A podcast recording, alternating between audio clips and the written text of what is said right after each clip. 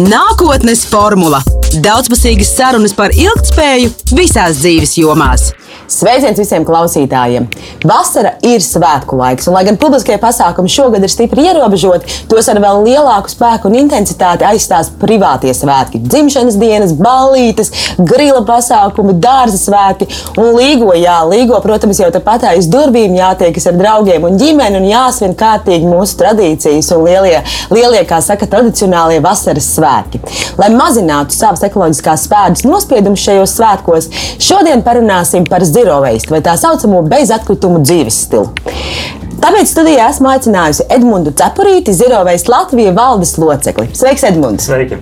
Prieks tev redzēt studijā, un jā, pastāst lūdzu, kas tad ir Zirovejas vai tā saucamais bezatkritumu dzīves, dzīvesveids vai dzīves stils? Kāds ir mērķis? Mm -hmm. Es domāju, ka Zirovejas ir gan dzīvesveids, gan arī vienlaicīgi kustība.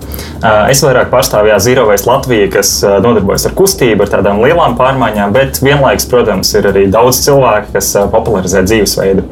Un, kā jau ietverts tajā vārdā, tad mērķis tiešām ir panākt pasauli bez atkritumiem, apzināties tās milzīgās problēmas vidē, ko atkritumi rada, un novērst no sākuma vispiesārņojošākos atkritumu veidus, un tad pakāpeniski iet ar vien tālāk un tālāk, lai mums nebūtu vidas problēma no atkritumiem. Bet vai tas vispār ir iespējams? Tas nu, neizklausās īpaši reāli, vai tas ir tāds utopisks mērķis, vai to tiešām var sasniegt?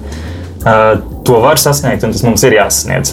Jo katru reizi, kad atkritumi paliek dabā, tad uh, mums nav tādas planētas B, kur mēs varam aizsūtīt mūsu plasmas atkritumus.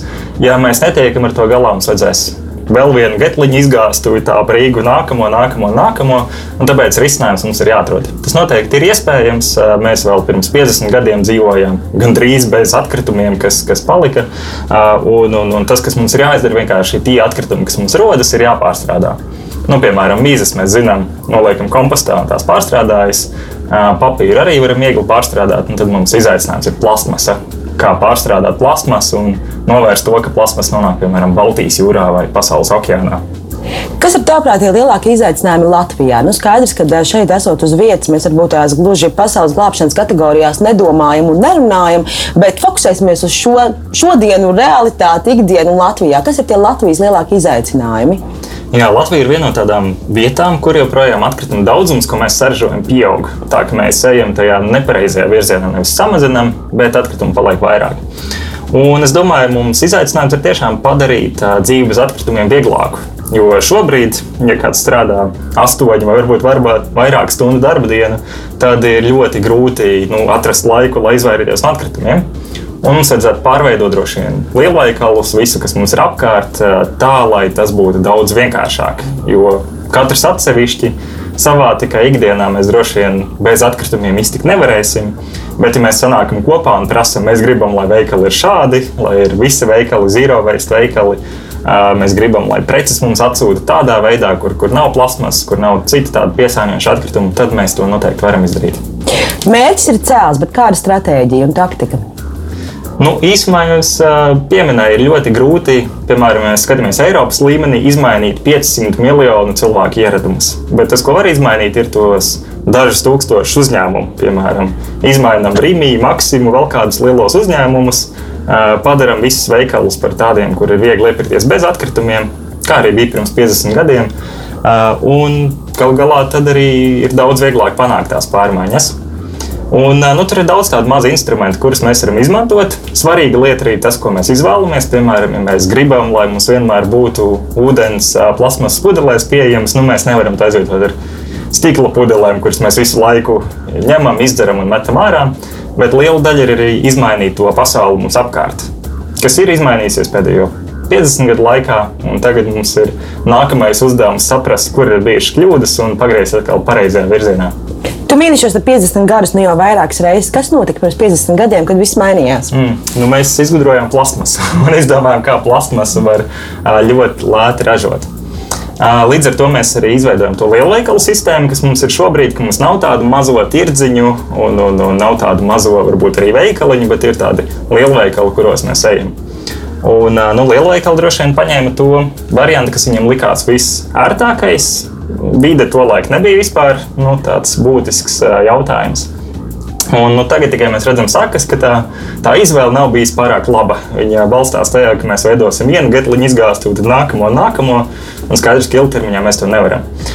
Uh, tad, nu, tas arī parāda tos izaicinājumus. Ne tikai izmainīt vienu iepakojumu, plasmasu, pārveidot par piemēram papīru vai stiklu, bet arī varbūt padomāt, kā mēs varam izmainīt to, to iepirkšanās sistēmu. Varbūt arī mēs varam vairāk atbalstīt tādus mazos lauksaimniekus, nevis tādas pavisam milzīgās korporācijas, milzīgām platībām, un vienlaikus arī samazināt atkritumu daudzumu. Labi, parunāsim par to plasmasu. Plasmasu mēs jau, saka, vizualizējam kā tādu lielu ļaunumu un lielu ienaidnieku tajā pašā laikā. Uh, ir, otā, ir tā otra puse. Plasmas ir lēta un pieejama. Kā rezultātā liela pasaules daļa, kas dzīvo nu, ļoti sliktos sociālo-ekonomiskos apstākļos, kaut kādā ziņā tā plasmas varbūt risina viņu problēmas, jo viņi vienkārši nevar atļauties neko pirkt citu, no citiem materiāliem, kas ir dārgāki un grūtāk pieejami. Jā, par tām izmaksām un par to, vai waste īstenībā nav tāds ekskluzīvs un, un tā, labturīgu cilvēku dzīves stils. Nu, tur, man liekas, ir tā problēma, ka tas šobrīd tā varētu būt un tā nedrīkst būt. Uh, bet par izmaksām, protams, ka plasmas ir vislētākā, uh, bet tikai tajā posmā, kas ir saražošana. Jo ir arī otra izmaksu daļa, kas notiek pēc tam, kad plasmasa ir izmantota. Nu, mums ļoti slikti klājas ar pārstrādāšanu. Mēs daudz runājam par šķirošanu, bet nekas daudz pārstrādāts netiek. Un ļoti daudz piesārņojumu nonāk jūrās. Ja cena, kas nav ietverta tajā nu, cenā veikala plauktā ir ekoloģisko sistēmu sabrukšana, piemēram, pasaules okeāni, jūras, tad tā arī ir cena, kuru samaksās visticamāk tie paši trūcīgākie. Apmēram miljards cilvēku ir pilnīgi atkarīgi no tā, ko viņi var noķert okeānos, jūrās savai pārtikai. Un skaidrs, ka ja mēs šo milzīgo pasaules okeānu sagraujam, tad, tad, tad tas būs kaut kas, par ko atkal maksās tie paši, kas ir uz, uz izdzīvošanas robežas. Līdz ar to nu, mums vienkārši jāizdara abas lietas.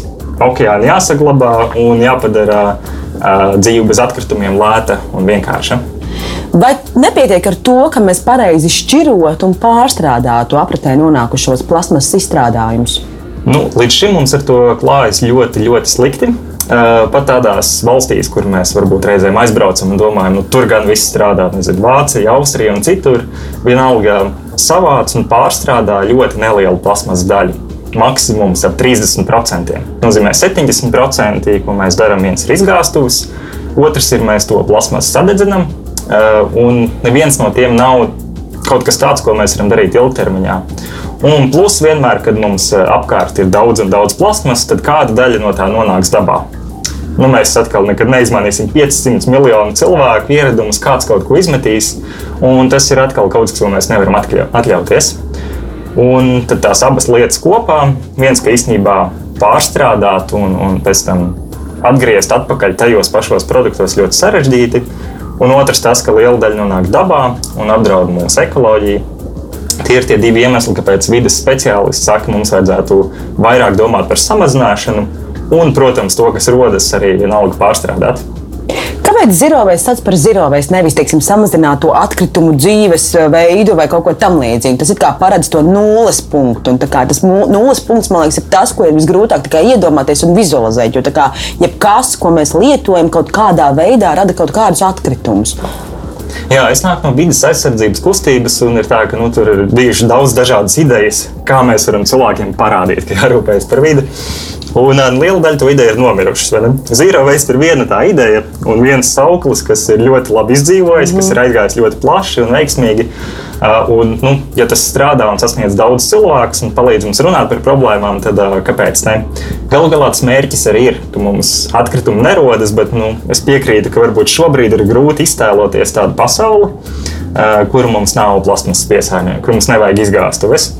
Bet, jebkurā gadījumā, tādam mērķim ir tomēr arī jābūt. Varbūt tas izklausās ambiciozi un reizēm kāda atbaida, bet uh, varbūt nav slikti parunāt arī reizēm, nu, kas tad ir tas gala mērķis, kur mēs gribam nonākt. Un tas ir tiešām dzīve bez atkritumiem, kas apdraud mūsu nākotni. Vai zero waste gadījumā nesašaurina mūsu izpratni par atkritumiem kā tādiem, ja mēs runājam tikai par fiziskām lietām, ko mēs izmetam miskastē un kas nonāk ketliņos, piemēram? Nu jā, Zero Waste kā kustība noteikti arī skatās citiem piesārņojuma veidiem. Ja mēs um, braucam kaut kur ar mašīnu, tad tur ir pirmkārt daudz izplūdes gāzu, un tur arī ir CO2, kas apdraud mūsu planētas klimatu. Un zero waste kā kustība tiešām lielā mērā mēģina arī tās neredzamās gāzes, to CO2, metānu, slāpekļa oksīdus, visas nezināmās vielas arī tomēr nu, ņemt vērā. Bet, protams, ka tā vizuālā daļa ir, ir, ir tie atkritumi, kurus mēs varam paņemt rokās, parādīt un, un, un, un tādā veidā vairāk pievērst uzmanību. Bet, nu jā, Zero Waste pēc iespējas mēģina arī risināt tās pārējās citas problēmas un nebūt tāda kā cita planēta, kurā, kurā ir tikai atkritumi un citas problēmas neeksistē. Vai Zero Waste kustībā vispār pastāv kaut kāds diskurss arī nezinu, tiksim, par digitāliem atkritumiem? Es dažkārt caucu visu to interneta vidas piesārņojumu ar, ar reklāmām, ar kampaņām, ar viskaut kādām, es nezinu, viltus ziņām un vēl vis kaut ko tam līdzīgu. Nu, mēs esam pārsātināti šajā informācijas telpā, kur lielākā daļa informācijas mums ir lieka. Tāpat tās vai Zero Waste teiksim, runā par nezinu, neefektīvi izmantotiem cilvēku resursiem, kur teiksim, cilvēku darbs netiek pietiekami teiksim, tā, efektīvi plānots un menedžēts tādā, tādā veidā neiegūstot maksimālo labumu no tā, vai tomēr fokus ir vairāk uz to fizisko, reāli taustāmo lietu. Mm. Nu, galvenais mērķis ir vide, tāpēc par cilvēku un, un darba lietām tur ir gan daudz speciālistu, jau, kas par to rūpējas. Uh, bet, piemēram, par elektroniskiem atkritumiem vai tieši to, kas glabājas uh, dažādās formās, nu arī tur. Uh, ja kaut kur glabājas viens gigabaits, nezinu, spam e-pastu, tad uh, ir kaut kur tāda reāla fiziska vieta, mm -hmm. uh, kur tas arī uz serveriem glabājas. Un tad tos serverus ir jāizbūvē, viņiem vajag enerģiju, dzēsēšanai un tam līdzīgi. Tāpēc, jā, protams, tā arī ir daļa no tās uh, problēmas. Nu, īstenībā varētu teikt, jā, ka uh, zero waste ir arī par tādu vienkāršu izšķērdību, kur, nu, piemēram, jā, spama e-pasts varbūt nekādu milzīgu labumu pasaulē nenes, bet uh, tas kaitējums, kas rodas uh, uzturot tā, to, to atmiņu, vienalga uh, rada mums kādas vidas problēmas. Tāpēc, jā, Tā varbūt nav primārā daļa, par ko runāt, bet mm. reizēm arī tādas lietas izskan. Tā ir globāla kustība, un jūs esat daļa no kaut kāda lielāka procesa, kas ir, nu, principā, droši vien pārstāvēts visā pasaulē. Sapratu, tas arī varētu būt mans jautājums, vai tiešām waste kustības ir, teiksim, tā visā pasaulē, vai tā tomēr ir, nezinu, tur Eiropas, Amerikas kaut kāda tendence un pašlaik kaut kāds virziens, kas tiek attīstīts. Jā, ir ļoti dažādas problēmas uh, pasaulē, bet man šķiet, šobrīd tiešām var teikt, ka, ka tāda vienojoša kustība tiešām ir globāla visā pasaulē. Āfrikas, Āzijas valstīs un, un, un visur citur. Bet jā, droši vien tie jautājumi, kas tiek risināti, ir svarīgāki. Piemēram, ļoti daudz, kur trūcīgākās valstīs, kur nav tādas ērtas atkritumu savākšanas sistēmas, kāda ir mums. Un, nu, mēs varam padomāt, kas notiktu, ja mums nebūtu atkritumu savācēji. Kā, kas notiktu ar mūsu uh, parkiem, pļavām mežiem, ja mums nebūtu nu, tāda ērta mašīna, kas uh, savāc atkritumus. Nu, jā, tad tajās valstīs, kur tiešām tāda sistēma nav, tur liela problēma ir atkrituma savākšana no dabas, no, no upēm, no, no citām tādām vietām, kur atkritumiem nevajadzētu būt. Un arī to liek zem zīro veikstā tā zīmola. Samazināt, ja ne pašus atkritumus, tad vismaz samazināt to kaitējumu, ko tie rada. Vai jūs visi zero waste pasaulē esat saka, uz vienas lapas, vai tomēr ir kaut kādas viedokļu atšķirības un, un, un, un, un kaut kādas, nezinu, viedokļu cīņas, iespējams, arī iekšējās kopienas vidū? Jā, daudz kas, ko mēs runājām, ir arī tāds uh, pretrunīgs. Piemēram, daudz cilvēki skeptiski skatās uz, uz to mērķi, vai tiešām mums vajadzētu prasīt cilvēkiem. Pilnīgi atteikties no atkrituma radīšanas, kamēr vēl nu, mums ir viss tas, ko es runāju. Jo tie lielveikali ir grūti bez plasmasas nopirkt tādu vakara, vakara ēdienreizi un, un, un citas lietas. Bet nu, kopumā man liekas, ka tā ir tāda tēma, kas ir salīdzinoši vienojoša tomēr. Ja, ja visi satiekās pie viena galda un runā, nu, tad kā mēs labāk šo visu risinām, tad tur to domstarpību ir krietni mazāk. Kā tu raugies uz zirovēs influenceriem? Ja godīgi, es esmu diezgan liela skeptiķa. Man viņi kaitina, jo viņi dzīvo kaut kādās utopiskās realitātēs ar, saviem, ar savām privātām mājām, mazdārziņiem un tāda sajūta, ka viss viņu dienas rutīnas, kā saka, uzdevums un vispār dzīves un darba uzdevums ir samazināt atkritumus. Nu, būsim reāli, tas prasa ļoti daudz laika tas prasa ļoti daudz enerģijas, par ko esmu diezgan ļoti pārliecināta. Ja tā nav, tad lūdzu apgāz manas apgalvojumus. Bet kā kopumā man liekas, tā ir tāda arī tāda viens no tādiem kultiem. Un, un man viņš liekas utopisks, nedaudz kaitinošs, un man nedaudz nepatīk tā komunikācijas forma, ka man visu laiku liek justies par kaut ko vainīgai. Kā tev liekas, kā ir ar šiem zero waste influenceriem, vai tas, ko viņi rāda tajos sociālajos tīklos, vai tā ir realitāte, un vai tu redzi iespēju, ka tā var kļūt par daļu no realitātes, nezinu, parastam mm. iedzīvotājiem Rīgas centrā? Nu jā, es jau teicu, ka Zero Waste kā tāds zīmols ļoti labi strādā. Tur mums jāpateic influenceriem, ja viņi nebūtu, tad varbūt mēs par šo tēmu vispār nerunātu. Bet nu, noteikti jā, tur nevienmēr ir tā saikne ar, ar vidas aizsardzības speciālistiem un visiem pārējiem. Nu, tas vienmēr būs tā, ja ir vairāki tūkstoši cilvēku, kas katrs runā par kādu trendu. Nu, daži no viņiem varbūt to darīs tādā veidā, kas vairāk traucē, nevis palīdz tiem mērķiem, kas sākumā bija. Nu, es domāju, ka ļoti daudzi influenceri arī to dara veidā, kas joprojām vairāk palīdz. Viņi ik pa laikam runā arī par citām tēmām, izmanto to zero waste, lai runātu arī par klimata krīzi un, un, un citiem saistītiem jautājumiem. Bet es domāju, tiešām jā, cilvēki, kas pārmet citiem, ja viņi nespēja nu, šobrīd tādā pasaulē, kāda mums ir, kur, kur mm. lielveikali un pārtikas sistēma ir tāda, kā ir, ja viņi nespēja dzīvot tādu elitāro dzīvesveidu, tad es domāju, ka tas ir kaut kas slikts. Nu, to pārmest nevajadzētu, vajadzētu vairāk domāt, kā palīdzēt cilvēkiem, nevis tikai ar padomiem un pārmetumiem, bet arī ar tādām izmaiņām mums apkārt. Nu, piemēram, kaut vai lai tie zero waste veikali būtu katrā apkaimē, tu vari pēc darba aiziet tur ļoti ērti iepirkties, un tas izmaksā lētāk, tas ir vieglāk un tam līdzīgi. Un es domāju, tā ir tāda nākotne, ko mēs varam panākt. Kā tev pašam sokas ar šo ziroveistu? Vai tu pats piekopi? Es ceru, ka jā, bet izstāsti man savu personīgo pieredzi, kas ir bijuši lielākie izaicinājumi, kas ir kaut kas tāds, ko tu reāli pašlaik vēl neesi ieviesis kaut kādu ierobežojumu dēļ. Jā, es noteikti vairāk strādāju pie tiem kustības jautājumiem. Man, savs, nu, man ir savs Instagram, bet tur ir ļoti maz tādu uh, dažādu padomu. Uh, es uh, cenšos ik pa laikam iet arvien tālāk tajās savās uh, lietās, kuras samazina atkritumus.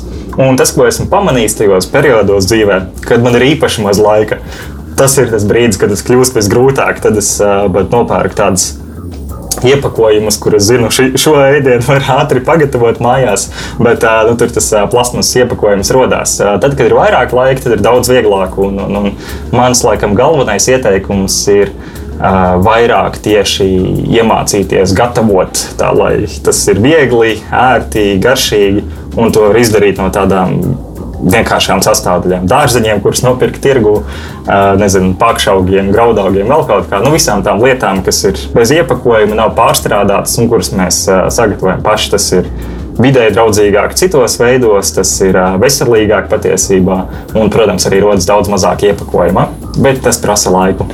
Tas ir tas trakākais man šeit, ka tas laiks varbūt tās nogalina daudzos gan to motivāciju, gan arī, kā saka, kampaņu veidīgi uz nedēļu. Varbūt tu vari pieslēgties, bet tad saproti, ka tev vienkārši nav fiziski iespējams izsekot līdzi tiem ikdienas paradumiem. Par eh, nesen radītās Covid krīzes varbūt tās tādu ietekmi uz, uz, uz vidi un tieši uz zirovēstu kustību, kur eh, parādījās arī interneta publikācijās, nebūtu nesaistītās ar zirovēstu. Tas, kā iepakojuma patēriņš un visas higiēnas preces un dezinfekcijas līdzekļi un viss pārējais ir tikai palielinājuši šo atkritumu intensitāti un to, kādā veidā mēs eh, piesārņojam pasauli un kāda ekoloģiskās pēdas nospiedumu mēs atstājam ikdienā. Principā tam visam aiz muguras ir tāds liels, liels bloks, kas saucās e-komercija. Mēs ļoti daudz daudz iepērkamies internetā. Mēs tur pērkam, mēs tur pērkam nu jau pat ēdienu, nemaz nerunājot par drēbēm, elektroniku un visām pārējām lietām. Un tas viss mums nāk kaut kādā veidā sapakots, un vai vispār e-komercijā ir iespējama zirovēs situācija? Es domāju, ka jā, tas varbūt ir viens no tādiem jaunajiem virzieniem, kur uh, mums nav nu, piemēram, ja mēs ejam uz dažādiem veikaliem, nu, tur jau var redzēt, ar vien vairāk tiek domāts par vidi vidē draudzīgu iepakojumu. E-komercija varbūt ir kaut kāds tāds vispār jauns virziens. Un tur mums nav vēl tik lielas nezinu, konkurences, kontrolas no pircēja puses. Mm. Es gribu šo vidē draudzīgo piegādātāju, nevis šo, kas ir nedraudzīgs. Tāpēc es domāju, ka tas noteikti attīstīsies vairāk. Un nu, viens piemērs ir kādreiz elektroniku, kad veda, tad uh, vienmēr piepildīja ar, ar, ar plastu tās kastes, lai, lai elektronika nesasitās. Tagad to bieži vien dara ar, ar kartona atgriezumiem, ar kaut ko otrreizē izmantot, ne no plasmasas, uh, no papīra.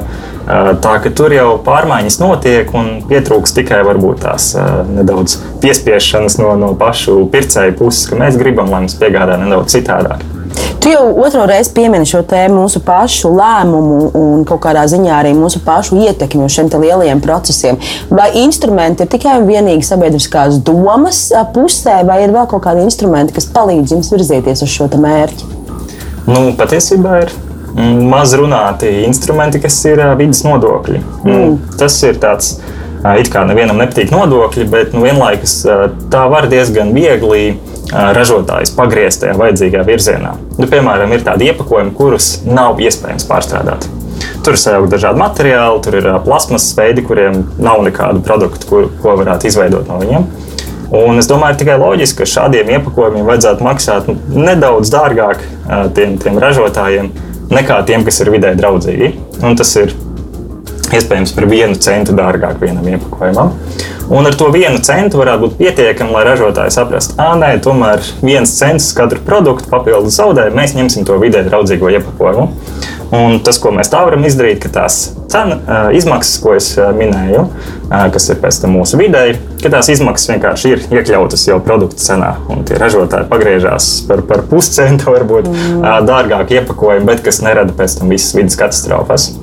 Un daudz tādu citu instrumentu arī, piemēram, ir iepirkumi skolās. Varētu skatīties, lai skolās, kas ir ļoti liela daļa no pārtikas, ko mēs ēdam, būtu tikai vidē draudzīga, vidē draudzīga iepakota pārtika. Nu, tādas vairākas lietas, kuras mēs varam darīt. Pagriezt to, to pārmaiņu mm. riteni, un tālāk viņš sāk vēlties pats, un ražotāji paši saprot, ka īstenībā šis pat izmaksā lētāk, šis pat ir uh, vairāk uh, rada mums peļņu, patīk vairāk pircējiem un tam līdzīgi. Bet nu, vajag reizēm tādus lielākus grūdienus, lai pārmaiņas sāk notikt straujāk. Labi, parunāsim par scenārijiem. Kā uzvestos īsts zeroveisteris? Es tagad esmu mājās, gribu iet iepirkties, sāksim ar ēdienu iegādi. Es paņemu, protams, gaudumu maisiņu vai ne, kurš man jau stāv mājās. Es dodos uz veikalu, skatos no sērijas labi, ābolus varu salikt savā audumu maisiņā, tomāti man ir pieejami tikai un vienīgi sapakoti. Tad tas nozīmē, ka vakariņās attiecīgi es tomātus neēdīšu, man būs jāēd tikai āboli un jādomā, ko ar viņiem kombinēt kopā, jo attiecīgais pārtiks produkts šajā veikalā nebūs pieejams bez iepakojuma. Nu, tas būs jādomā. Tiešām katram cilvēkam atsevišķi ir tas teiciens, ka tās uh, ētiskās izvēles jau neiet, ka tur ir uh, labie cilvēki un sliktie, bet nu, tieši cauri mums iet, kā, kā mēs katru reizi noslēdzamies. Un, ja ļoti gada nav vēsta tomāti, un tā ir tā vienīgā reize, nu, tad var, var droši nopirkt arī to iepakojumu uh, un, un, un tad vienkārši rūpīgi padomāt, vai, vai ielikt kādā šķirojamā konteinerā, varbūt kaut kur nodara tas iepakojums uh, citur pārstrādē. Es domāju, ka nav tādu stingru noteikumu. Man liekas, galvenais ir tie tikai atcerēties. Katrs tās uh, kaitīgās izvēles nu, rada papildus problēmas mums. Un brīžos, kad var no tā izvairīties, to, to darīt. Ja mēs tikai tam sakotu līdzi, tad atkritumu būtu daudz mazāk. Un jāatcerās arī, ja mēs dzīvojam piemēram mājā ar desmit dzīvokļiem, un mūsu tā miskastes daļa paliek tukša, bet pārējiem cilvēkiem nekas nemainās. Nu, tad, tas varbūt nav veiksmīgākais. Labāk varbūt dzīvot tādu dzīvesveidu, kas ir pietiekami interesants, aizraujošs arī citiem, un tad pārējiem no tiem desmit dzīvokļiem varbūt samazināsies atkritumus pusi. Tas nozīmē, ka mēs sasniegsim vēl vairāk. Ja mēs skatāmies vēl uz kaut kādiem iepakojumu veidiem, kas mums ir, nezinu, tie paši konservi, ja nu vai es nopērku kaut ko jau sakonservētu un gatavu, vai es pērku svaigu un pats gatavoju mājās, bet arī atkal tērēju elektrību, vēl kaut kas man šeit visi šie lēmumi vienmēr ar tām divām pusēm kaut kādā gadījumā mēs kaut ko iegūstam, kaut kādā citā gadījumā mēs kaut ko zaudējam. Nu, minēšu vēl tādus, tādus krasākus piemērus, ko arī pārmet tiem pašiem zirovēstu influenceriem. Nu, piemēram, nezinu, tur lielīties par zirovēstu ēdienu lidmašīnā, bet tajā pašā laikā tik un tā pārvietoties ar lidmašīnu, kas atstāja daudz lielāku ekoloģiskās pēdas nospiedumu nekā tā, tas viens plasmas iepakojums, ko viņš šajā lidojumā nav patērējis. Vai arī, nu, nezinu, ēst, piemēram, gaļu, lielīties par to, ka mēs nopirkām gaļu bez iepakojuma, tajā pašā laikā gaļa pēc būtības arī atstāja daudz lielāku ekoloģiskās pēdas nospiedumu nekā tas viens iepakojums, kurā viņi tika, tika sapakota. Kā, kā tu skaties uz šīm mazajām niansēm, kas vienmēr ir tie, nu, kas, ko tu iegūsti, ko tu zaudē, nu, skatoties uz mūsu kaut kādiem ikdienas iepirkumiem un patēriņu? Mm. Uh, Japānā ir tāds teiciens, ka nevajag iet makšķerēt, kamēr deg tev māja. Vajag vispirms nodzēst to māju. Uh, nu, mums ir tāda problēma, ka mums ir veseli trīs ugunsgrēki. Mums ir klimata krīze, mums ir dabas izzušana un mums ir plasmas piesārņojums jūrās. Un uh, kaut kādā ziņā mēs esam tādā sliktā situācijā, kur mums tiešām vienlaikus ir jārisina gan, gan tās lidmašīnas, gan plasmas piesārņojums, gan, gan piemēram, uh, ietekme no, no gaļas audzēšanas. Um, nu, tur ir tā, ka tiešām. Uh, Droši vien jāpriecājas par katru cilvēku, kas kaut ko dara katrā no šiem jautājumiem.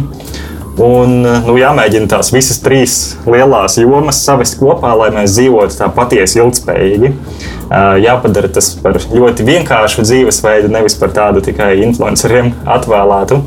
Un, un, un, nu, ir droši vien vērts arī reizēm pieminēt, draudzīgi, nepārmetoši, ka jā, arī lidmašīnas, arī visi pārējie tie jautājumi būs mums jāpielāgojas. Bet nu, arī nevajag pārspīlēt, kā jau teicu, no sākuma jāpanāk, lai tas ir viegli, visiem pieejami, un, un, un tur mēs varam strādāt kopā. Tur mums nevajag savā starpā kašķēties un, un pārmest vienam vienu vai otru lietu. Tad tu akceptē arī tādu vidusceļu, kaut kādā ziņā darīt kaut ko, kaut ko bišķīgi, bet varbūt nevis tur radikāli uzreiz mēģināt visus paradumus ieviest vienlaicīgi. Jā, noteikti. Es domāju, ka svarīgi, ka mums ir vairāk cilvēku, kas ir mūsu kustībā, ne tikai zīro veids, bet vispār vidas kustībā. Nevis tas, lai nu, katrs no tiem cilvēkiem būtu ideāls, perfekts un izgājis neskaitāmus konkursus, kur vērtē viņa rīcības. Uh, ir tā, ka tad, kad cilvēki pievienojas dažādām kustībām un jūtas pieņemti, tad arī ir daudz vieglāk dažādas pārmaiņas savā ikdienā radīt. Jo pārmaiņas vienmēr ir grūti, ja mums apkārt ir cilvēki, kas mums, ar kuriem var parunāt, ar kuriem var pastāstīt, kas ir mūsu bažas, tad pārmaiņas nāk daudz vienkāršāk. Man šķiet, ka viens liels klupšanas akmens un kādā ziņā tāds grābeklis, kam mēs kāpjam virsū, ir mēģināt to visu ieviest vienlaicīgi. Nu, kā saka, tagad paņemt labi no šīs dienas, X es būšu zero vēsteris un tagad neradīšu nekādus atkritumus. Pēc trim dienām esmu sajūtis prātā. Es nezinu īsti kādus uh, higiēnas preces lietot vai kosmētikas līdzekļus. Ne, nevaru iegādāties apģērbu vai aizeju uz veikalu un nevaru nopirkt to, ko es gribu ēst. Un man šķiet, ka šāda kampaņveidīga pieslēgšanās un visu paradumu īstenošana vienlaicīgi varētu radīt tādu lielu pretreakciju un sajūtu par to, ka tas vienkārši nav iespējams.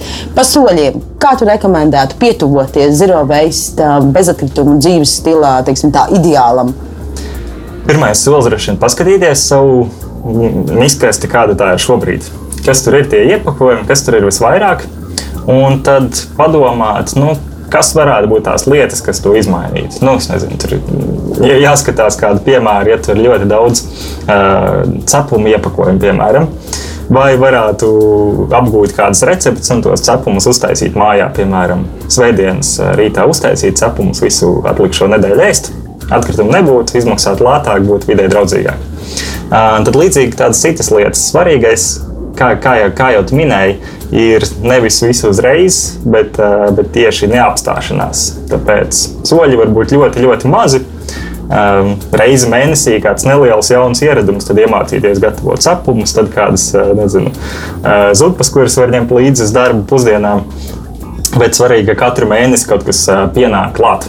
Un, kā jūs minējāt, ja jau mums vajag izmainīt uh, pasauli mums apkārt, tad uh, viens no tiem ieradumiem varētu būt arī pievienoties kustībām, organizācijām, kas cīnās par tiem mērķiem par tiem vidas nodokļiem, par tām nezinu, vidē draudzīgajām pusdienām skolās un citur. Jo tās īstenībā ir tādas pārmaiņas, kuras mēs varam daudz straujāk panākt. Un tas arī pat reizēm interesantāk. Nevis tikai, ka mēs esam kaut ko savā mājās panākuši, bet, nu, piemēram, veselā skolā. Var savā skolā, tie, kas vēl mācās, mēģināt panākt izmaiņas. Daudzas skolas Latvijā, piemēram, Ekolas skolas to dara. Tā ka nu jā, tie soļi būtu no sākuma paskatīties tiešām kas notiek manā izkastē, kas ir tie pirmie ieradumi, tāds ieraduma saraksts, ko izveidot, un tur noteikti iekļaut, ko es varu izdarīt, lai noticētu, ka ir iespējams arī tādas lielas pārmaiņas. Un lai noticētu, ka tiešām mēs varam dzīvot pasaulē vispār bez atkritumiem. Ko pilsētniekam darīt ar bioatkritumiem? Um, šobrīd droši vien jāmeklē pagalmā kāds stūrītis, neacenšas vienoties ar kaimiņiem. Bet ir tādas labās ziņas, ka bioatkritumus arī vajadzēs atkritumu savācējiem pieņemt. Un, un, un, un tas, par ko arī varētu pacīnīties, ir, lai to var darīt ne tikai tā, ka to saliek miskastēs un aizved uz vienu kompostēšanas centrālo vietu, bet, piemēram, dažādās Rīgas apkaimēs varētu būt tādi punkti, kuros var aiznest kompostu un pēc tam izmantot nezinu, savās puķu dobēs, turpat pagalmos vai citur. Šobrīd jāmēģina atrast uh, savi kādi komposti. Reizēm uh, cilvēki pat ir gatavi, ja viņiem pagalmā ir ierīkots, dalīties ar citiem, nu, pie mm. nosacījuma, ka tur nesamatīs plasmas maisiņas un, un pudeles. Uh, Un, ja ārpus Rīgas, tad droši vien tas ir, tas ir tāds vienkāršākais veids arī ierīkot savus kompostus.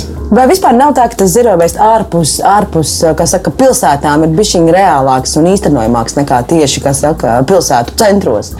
Hmm, grūti pateikt, dažas lietas vieglāk un dažas grūtāk. Noteikti tas, ja kompostu ierīkot, daudz mazāk problēmu, nav tik daudz to, to milzīgo uh, ēku un, un tādu pagalmu.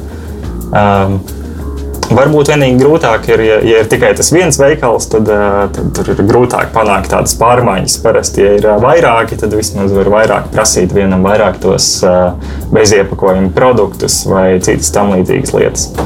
Man liekas, grūti tādu vienu atbildi dot. Nu, viens, kas ir lielās pilsētās, vieglāk ir satikt tos domu biedrus, satikties pasākumos. Nu, tagad tas ir grūtāk, bet nu, pēc kāda laika jau cerams arī varēsim. Un tas īstenībā sniedz ļoti lielu atbalstu. Tā, visi arī ārpus Rīgas.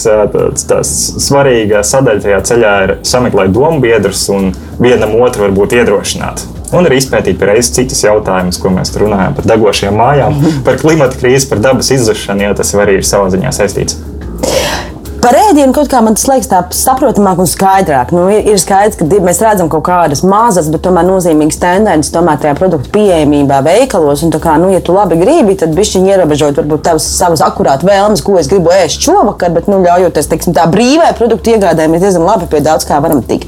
Bet es domāju par visiem, teiksim, nu, kas ir primāri, piemēram, kosmētikas līdzekļi. Nu, vai tu pats esi mēģinājis mājās taisīt zobu pastu vai nezinu, dezodorantu vai vēl kaut ko tamlīdzīgu? Es neesmu, bet man man ir dāvināti produkti, kas attiecīgi ir vegāniski, vidē draudzīgi, ar, ar kartonu iepakojumu un visu pārējo, un tā tālāk. Un tā joprojām, nu, ja godīgi šie produkti tīri kvalitātes ziņā nav atstājuši tādu pārliecinošu iespaidu, lai es tagad skrietu atpakaļ uz, uz Zero Waste veikalu un pirktu to, to, to, to, to dezorantu vai to, vai to, vai to zobu pastu, jo vienkārši, nu, teiksim tā, konkurencē ar citiem produktiem, nu, tas efekts, saka, nebija tāds.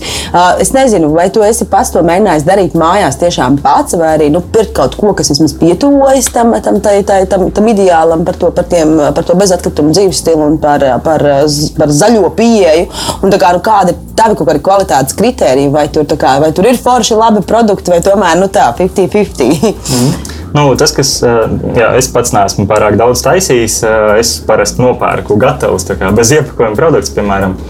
Ziepes, šampūnus, nu tā, tas iepakojums un pudele nav tā maģija, kas ir svarīgākais. Svarīgākais jau ir tas saturs.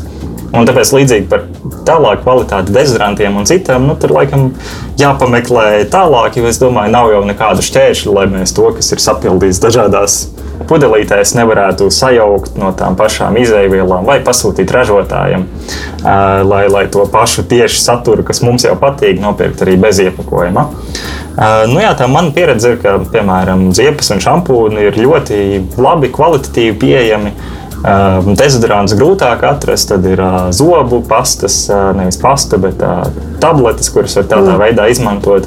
Nu, tā kā šobrīd laikam ir tāds pats pats sākums, Reizēm varbūt gadās kaut kādi produkti, kas vēl nav izmēģināti, nav, nav pietiekami labi varbūt, izgājuši tādu kontroli. Bet es domāju, ka kļūs ar vien labāk. Un jau šobrīd, droši vien, ja pameklē, tad tajos veikalos var gan arī visu no higiēnas precēm, no, no kosmētikas atrast. Ir arī uh, veikali, zinu, kur var laikam veidot savu kosmētiku no dažādām eļļām. Un, nu, tas, protams, prasa vairāk laika, noteikti atkal. Sevišķi, ja kaut kas jātaisa pašam, bet nu, tā priekšrocība, ka tas droši vien ir ķermenim draudzīgāk.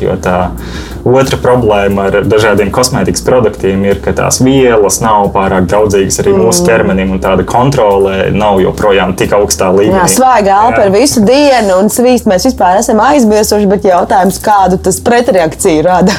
Jā, nu tā, tas var būt tāds ieguvums, ka var daudz vairāk iedziļināties, kas ir tās sastāvdaļas, un parasti jau tās ir um, sajaucot uz vietas, līdzīgi kā pašam gatavojot ēdienu, vairāk kontrolas tur ir. Bet, nu, jā, noteikti es ceru, ka paies vēl pāris gadi, un mēs vispār neredzēsim nekādu atšķirību. Vai mēs pērkam ar iepakojumu veikala plauktā, vai mēs nopērkam zīro veistu veikaliņā to, to pašu un varbūt vēl labākus produktus. Daudzkārt arī zirovēst veikaliem pārmet to, ka mēs jau nezinām, kas notiek aiz tām aizslēgtajām durvīm. Mēs redzam to smuko, jauko, mājīgo veikaliņu, kur mēs varam iegādāties ar savām burciņām un maisiņiem visu, ko mums vajag. Vai pašā laikā, nu, mēs varam pārliecināties, kas tur notiek tajā viņa noliktavā vai kādas piegādes ķēdes viņi izmanto un beig galā kā viņi šos produktus saņem. Nu, es zinu vairākus to zero veikalu attīstītājus un veidotājus. Un es domāju, ka viņiem teiksim, biznesa mērķis nav viņiem svarīgākais. Vienmēr arī bijis samazināt atkritumus, tāpēc es domāju, tur nav bāžu uztraukumam. Tas, ko man ir stāstījuši, jā, ka reizēm ar ražotājiem ir grūti nu, nodot to, to ziņu. Piemēram, ir, ir saziņa, mums vajadzētu bez atkritumiem atvest tos, tos produktus, un tomēr tur kaut kādi lielie maisi paliek, un, un, un kaut kāds ražotājs nav sapratis. Nu, es zinu, ka viņi visu laiku mēģina skaidroties ar dažādu produktu ražotājiem. Nē, tiešām bez iepakojuma, vai vismaz tādos lielos iepakojumos, lielos maisos atvest, nu, nezinu, auza pārslas 20 kg maisā vai ne.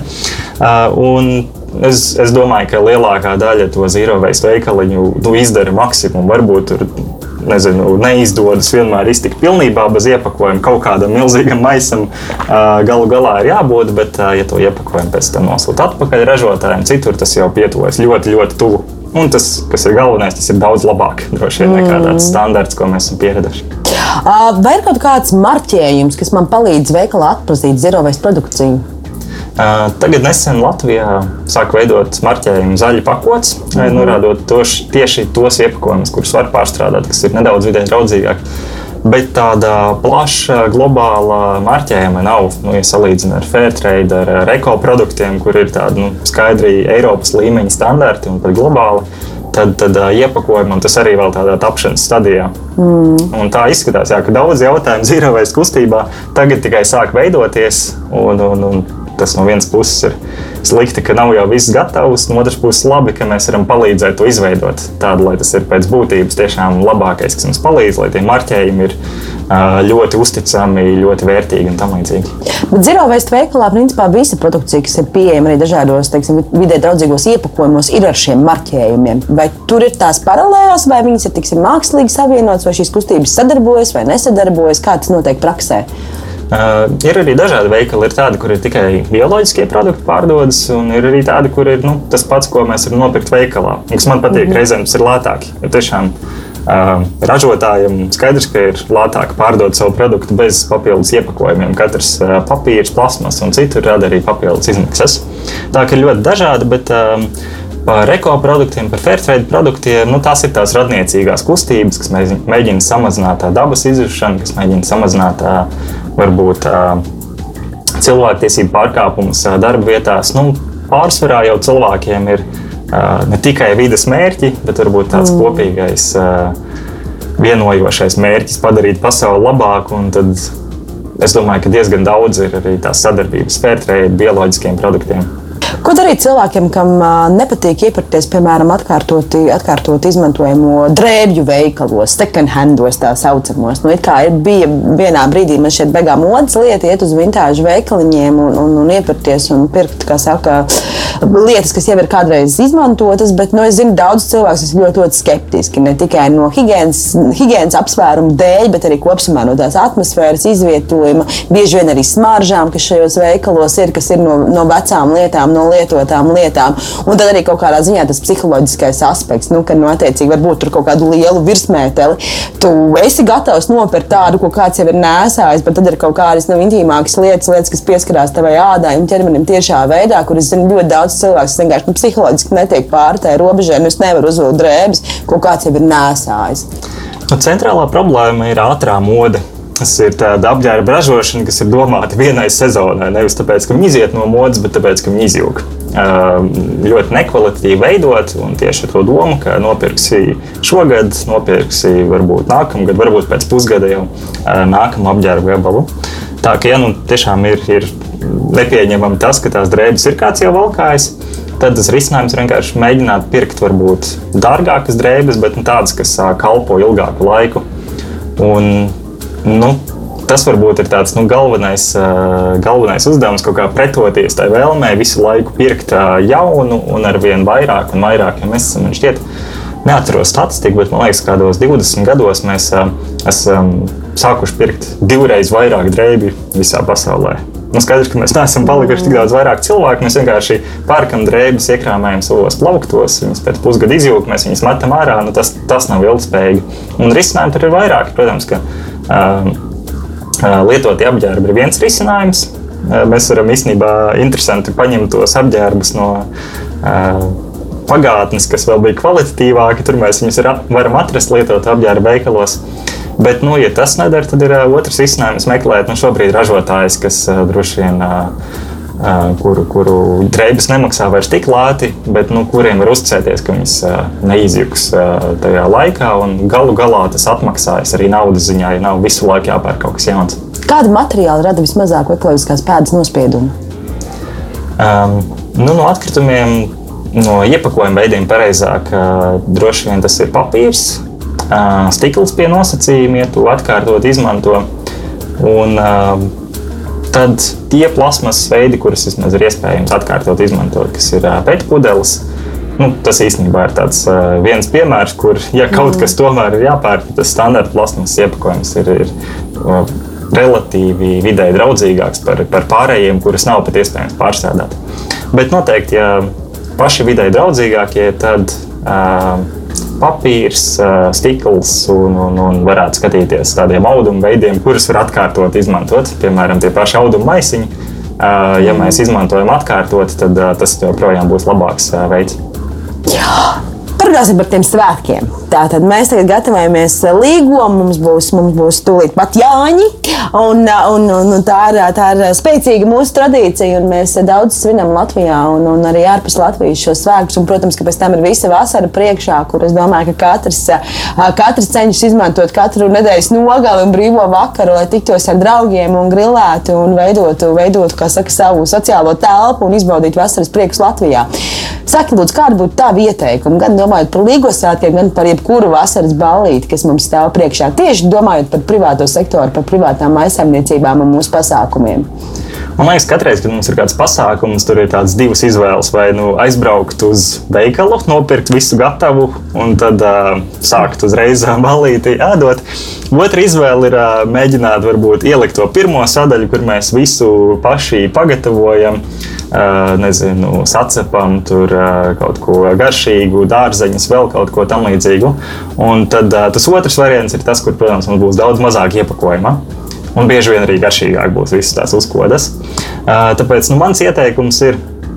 Ja nu galīgi nav tā, ka ir tikai divas stundas ballītē un ātri jāpaspēj mm. satikties, izdarīt kādu dzērienu, apēst kādu uzkodu, tad nu, izmantot arī laiku, lai ne tikai ar cilvēkiem parunātos jau pie uzkodu galda, bet arī pašiem kopīgi visu pagatavot. Man liekas, ka tie ir ļoti jauki pasākumi, kuros katrs var izvēlēties. Es gribu vairāk šādi sacēt čampionus vai, vai, vai citas uzkodas, un tad pagarināt to kopā tikšanās laiku, arī kopīgi sagatavojot savus uzkodas. Tad vēl bez ēdiena ir kaut kādas servēšanas lietas, dekorācijas. Mums patīk noformēt savus pasākumus, ja tīpaši bērnu pasākumi. Man liekas, ir tie pasākumi, kur nu reāli neesmu bijusi nevienā bērnu ballītē, kur pēc tam nebūtu trīs maisi ar, ar, ar baloniem un, un, un, un vimpelīšiem un vēl vis kaut ko. Kas būtu vidē draudzīgas dekorācijas un, un kaut kādas noformējuma lietas? Nu, dekorācijām var izmantot papīru diezgan daudz. Arī tādas lietas var atrast kādam, gan jau birojā ir vecās papīra kaudzes palikušas. Un tad, piemēram, kopā ar bērniem uztaisīt rotājumus, izgriezt vai sniegpārslas. Nu, tas nekas, ka vasarā var izgriezt dažādas figūriņas kopā un tādas virtenes sataisīt. Nu, papīrs ir viens no tādiem draudzīgiem arī vidē veidiem, kur ir arī krāsains. Uh, jā, ja salīdzina ar plasmasu, tad arī krāsainu papīru pēc tam var pārstrādāt. Un otra lieta ir vienreiz lietojamie trauki. Mēs braucam kaut kur pie dabas, tad man liekas, ka mums vajadzēs lēnām iemācīties, ka nav jau tik grūti paņemt līdzi traukus no mājām. Ielikt kādā somā un, un, un varbūt necīnīties ar tiem plasmas nazīšiem un mēģināt tur kaut ko sagriezt un dakšiņām, kas salūst. Vienkārši paņemt normālus traukus, pēc tam ar kaut vai salikt kādā maisā, mājās izmazgāt. Un jāatcerās, ka tā būs tāda viena lieta, pie kuras mums būs jāpierod, jo vienreiz lietojamie plasmas trauki arī drīz tiks aizliegti visā Eiropas Savienībā. Tā kā tāds ieteikums varam izmantot šo laiku, lai nedaudz iemācītos dzīvot tajā jaunajā pasaulē bez atkritumiem. Ar ko būtu jāmazgā trauki, lai tas būtu vidē draudzīgi? Hmm. Nu, ir līdzekļi, kuros ir mazāk kaitīgo vielu, piemēram, fosforu Bet nu, kopumā tā nav varbūt tāda vis, vissvarīgākā problēma. Tur vairāk varbūt ir padomāt par, par savām rokām. ja, ja tas nerada tādu nepatīkamu sajūtu rokām pēc mazgāšanas, tad visticamāk tas ir arī drošāk vidē. Nu, protams, ka ir dažādi ekomarķēti līdzekļi, Bet, nu, ja ir kaut kāds mīļākais līdzeklis, tad tas varbūt nav svarīgākais jautājums. Vides aizsardzībā piesārņojums no atkritumiem varbūt ir pats svarīgākais. Trauku mašīna arī ir ok. Jā, ja trauku mašīna mums ietaupa laiku, tā vietā varam pagatavot garšīgi no, no svaigiem produktiem, maltītes, tad noteikti vidē ir tikai iegūms no tā. Vēl runājot par arī nu, pasākumiem, labi, mums ir tie privātie pasākumi, bet, protams, ir arī kaut kādi publiskie pasākumi. Ko mēs varam darīt lielajos publiskajos masu pasākumos? Nu, skaidrs, ka uz gada nogali kaut kas jau mums būs. Kaut kādi pilsētas svētki notiks, kaut kādi, kaut kādi rudens aktivitātes notiks, Rīgas svētki ar kaut kādā formā būs, Baltās naktis ar kaut kādā formā būs. Un, protams, tā jau arī citās pilsētās, ne tikai Rīgā. Kas ir šajos lielajos pasākumos tādi būtiski aspekti, ko vajadzētu ņemt vērā gan organizatoriem, gan arī apmeklētājiem? Ir tā, ka es pats esmu organizējis jauniešiem pasākumus ar vairāk kā simts dalībniekiem.